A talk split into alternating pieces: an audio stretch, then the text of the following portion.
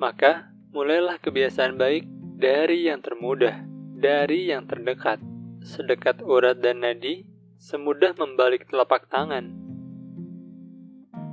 Kembali bicara soal kebiasaan, saat ini saya sedang membuat sebuah kebiasaan baru dengan berbagi di podcast ini dengan durasi yang tidak terlalu panjang dan termasuk mudah bagi saya.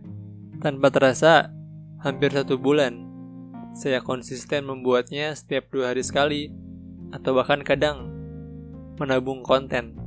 Ya, walaupun saya pun belum tahu apa konten ini bermanfaat atau tidak, tapi yang pasti saya sedang membuat sebuah kebiasaan baru. Dan saya percaya bahwa kebiasaan baru akan membuat kita semakin mencoba lagi hal-hal baru ke depannya, semakin mengupgrade diri kita, dan yang pasti hal besar itu dimulai dari hal yang kecil.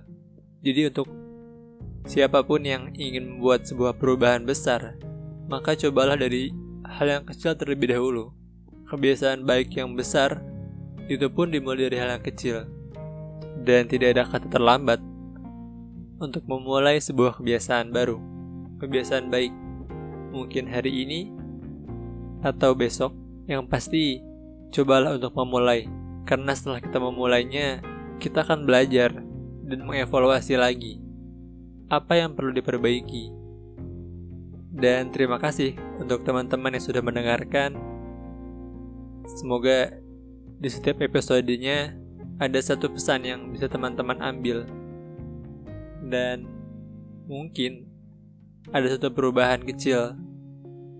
Jadi, hari ini kita belajar apa?